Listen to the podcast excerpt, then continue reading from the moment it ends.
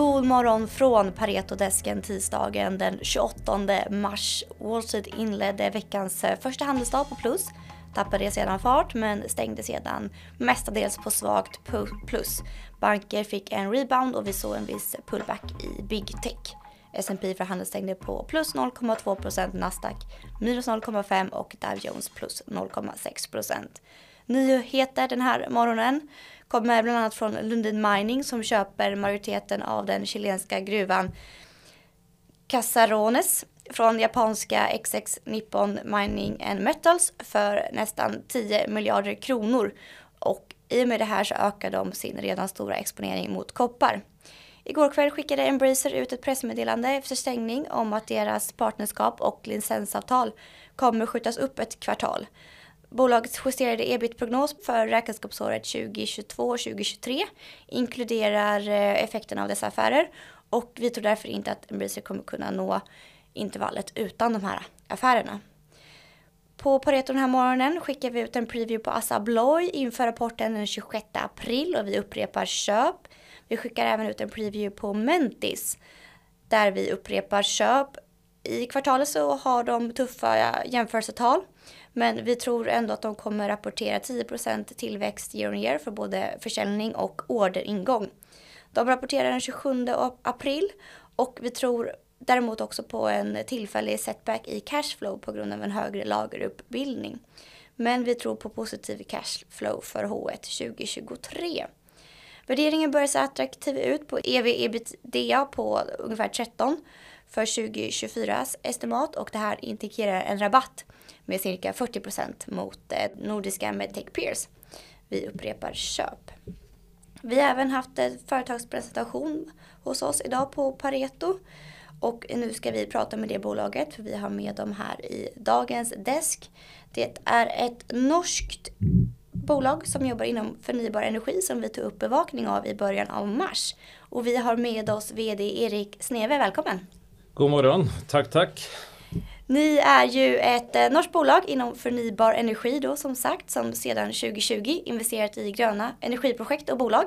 Kan du beskriva er eh, affär? Korrekt. Nej, vi är en uh, asset light uh, utvecklare av förnybara projekt i Norge, Sverige, Skottland, England och Sydafrika. Och idén är att utveckla projekten sammen med grunneiere, de som äger arrende, Eh, skogeiere, bønder, eh, og hjelpe dem å utvikle et prosjekt som gjør at de kan leve av en riskfri royalty. Så vi har jo da over 100 prosjekter i Sverige, eh, UK, Skottland, Norge og Sør-Afrika. Vi har en veldig diversifisert portefølje. Det tar et par år å utvikle disse prosjektene og koster en god del penger. I Sverige så er jo helften av våre prosjekter, og her har vi nesten 30 mann i, i to av bolagene som utvikler prosjekt på heltid. Så vi bruker rundt 30-40 millioner kroner i året i OPEX for å utvikle disse prosjektene. Da tar vi fram alle tilstander med granner, med lensstyrelsen, med, med kommunene. Så mye detaljert arbeid. Og så gjør vi procurement management for energipartnerne våre som ønsker å utvikle og eie disse prosjektene i deres levetid, 30-40 år. Mm, men asset light säger du, så ni utvecklar de här projekten och så säljer ni dem innan ni tar några investeringar? Ja, så, så det, det, det kostar ungefär 6 miljoner kronor per megawatt för sol. Mm. Och med de ökade priserna på stål så kostar det rundt 13-14 miljoner kronor per megawatt för vind. Och det är allt för mycket pengar för en, en, en bonde eller en skogägare eller för ett uh, utvecklingsbolag. Så det är ju för Vattenfall og Statkraft og de store globale aktørene. Mycket, mycket big money. Varför har ni eh, tagit den här eh, investeringsstrategin? Varför är, fortsätter ni inte äga och investera själva? Det är väldigt svårt, tycker vi, för ett börsnoterat bolag att äga den typen av assets på grund av weather risk. Det blåser inte alltid når man forventer seg. Du har interest rate risk, du har prosjektrisk generelt. og det gjør att uh, for et lite bolag så må de ofte hente inn penger jevnt.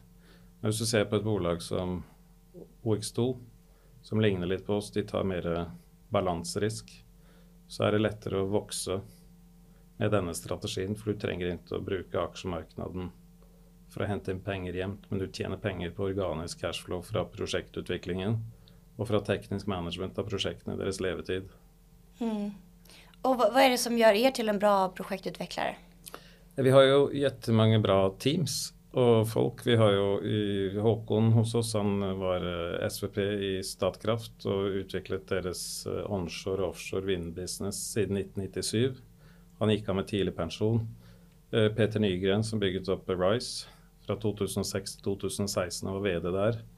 Torstein Sandnes som er vår arbeidende styreleder, som var, var CEO i Lundin Petroleum Norge. Co-founder av Lundin i Norge som ble solgt i fjor for 124 milliarder svenske kroner.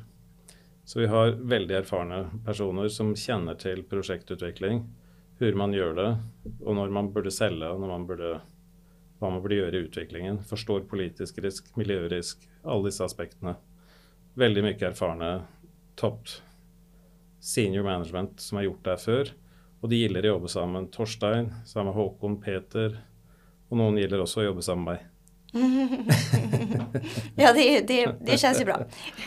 Ni tog inn in på den svenska marknaden genom investeringen i eh, Helios. Yes. Kan du berätta om den eh, investeringen och vad, hur det projektet går?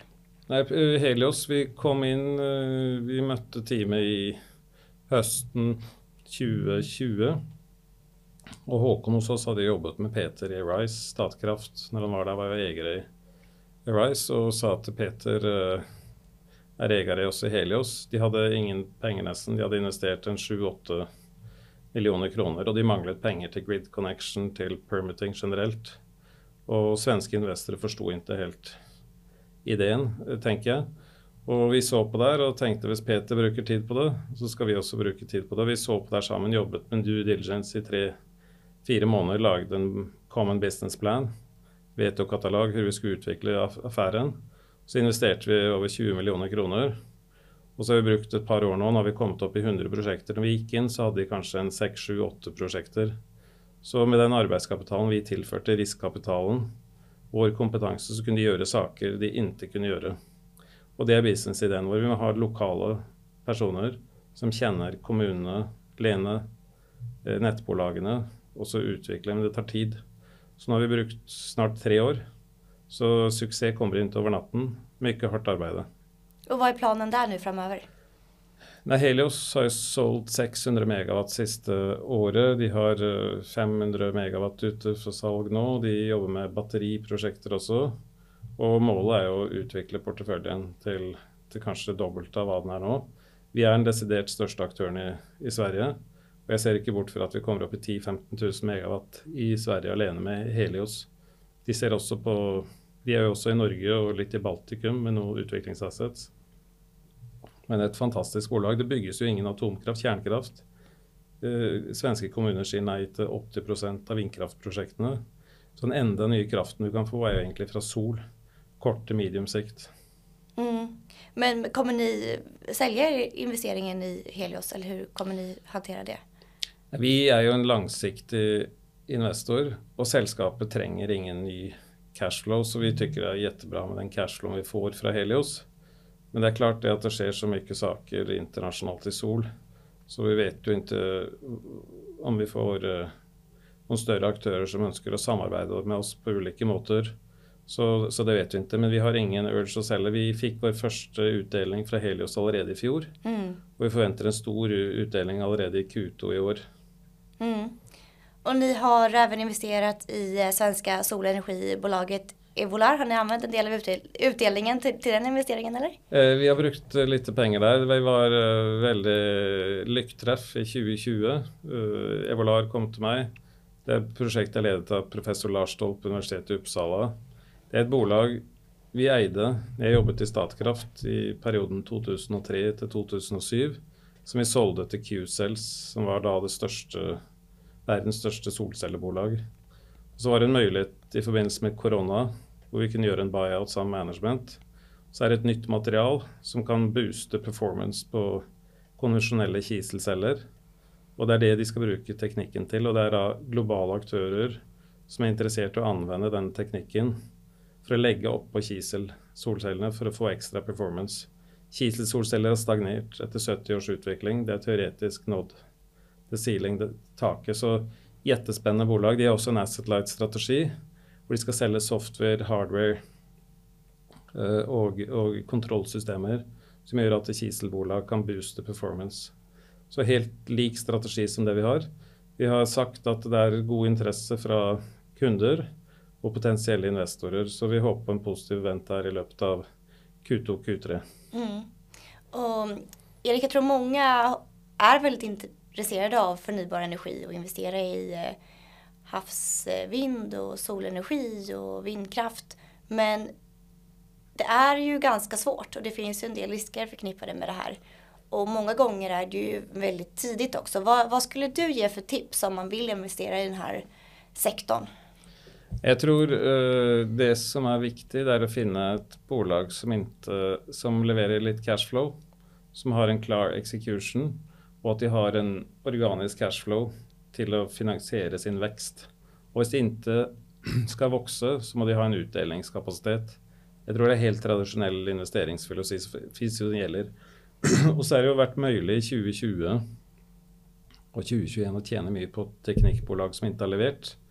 Men da skal man vite litt hvilke trender investorer ser etter der og da. Så jeg tenker at man bør tenke på hva man har råd til å satse. Og, og det tryggeste er kanskje å gå for de bolagene med cashflow organisk cashflow for å finansiere vekst. Hvis det i tillegg er utdelingskapasitet, så er det fantastisk. Men selskaper som skal bygge og eie enheter selv, tykker jeg er svårt, for at det er avhengig av debt, skylder og uh, rentene uh, går jo opp, så det er svårt for små bolag å eie uh, type fornybar asset. Så det er derfor vi kjører en, fornybar, en asset light-strategi. Mm. Har dere noen utdeling til aksjeeiere? Vi har delt ut 517 millioner kroner siden Torstein uh, og jeg tok over i 2018-19. Og vi har sagt at vi skal gjeninnføre utdeling eller share buyback as soon as possible. Eh, og, og, eh, og, hvis vi ikke har noen investeringsmuligheter. Så jeg ser ikke bort fra at vi begynner å dele ut eller gjøre noen buybacks i løpet av året. Gitt at vi lykkes med noen utdelinger og noen salg av noen virksomheter. Mm. Sist, men ikke minst, hva ser du for absolutte trender just nå i fornybar energi? Nei, Trendene i fornybar eh, energi det er vel egentlig offshore vind og solceller. Og så ser vi batteriet også komme. Jo mer ureglerbar kraft som kommer inn i markedet, jo større behov er det for batteri. Så det er en veldig sterk uh, Og bærekraft sterk, er jo holdbar, eller hur? Holdbar, ja, ja sustainable, ja. ja. Så det skyldes jo store lisensrunder i Skottland, 30 megawatt totalt i, i, USA. Så det er veldig mye penger som går inn. Mm. Uh, så det er vel de sterkeste trendene. Vi ser også noen trender innen kjernekraft. Men det finnes jo bolag innenfor kjernekraft, jeg kjenner det ikke godt nok. Anriking av uranium og small og medium-sized reactors. Eh, jeg vet ikke, det er ikke kanskje fornybart per definisjon. Men, men sol og, og, og, og, offshore vind. Eh, litt svårt å få eksponering mot ren offshore vind. Hvorfor det? Nei, fordi det er jo utbygginger som skjer veldig langt fram i tid, og det er jo eid av BP og Equinor og veldig store bolag. Den reneste er vel kanskje Ørsted, mm. den danske. Mm.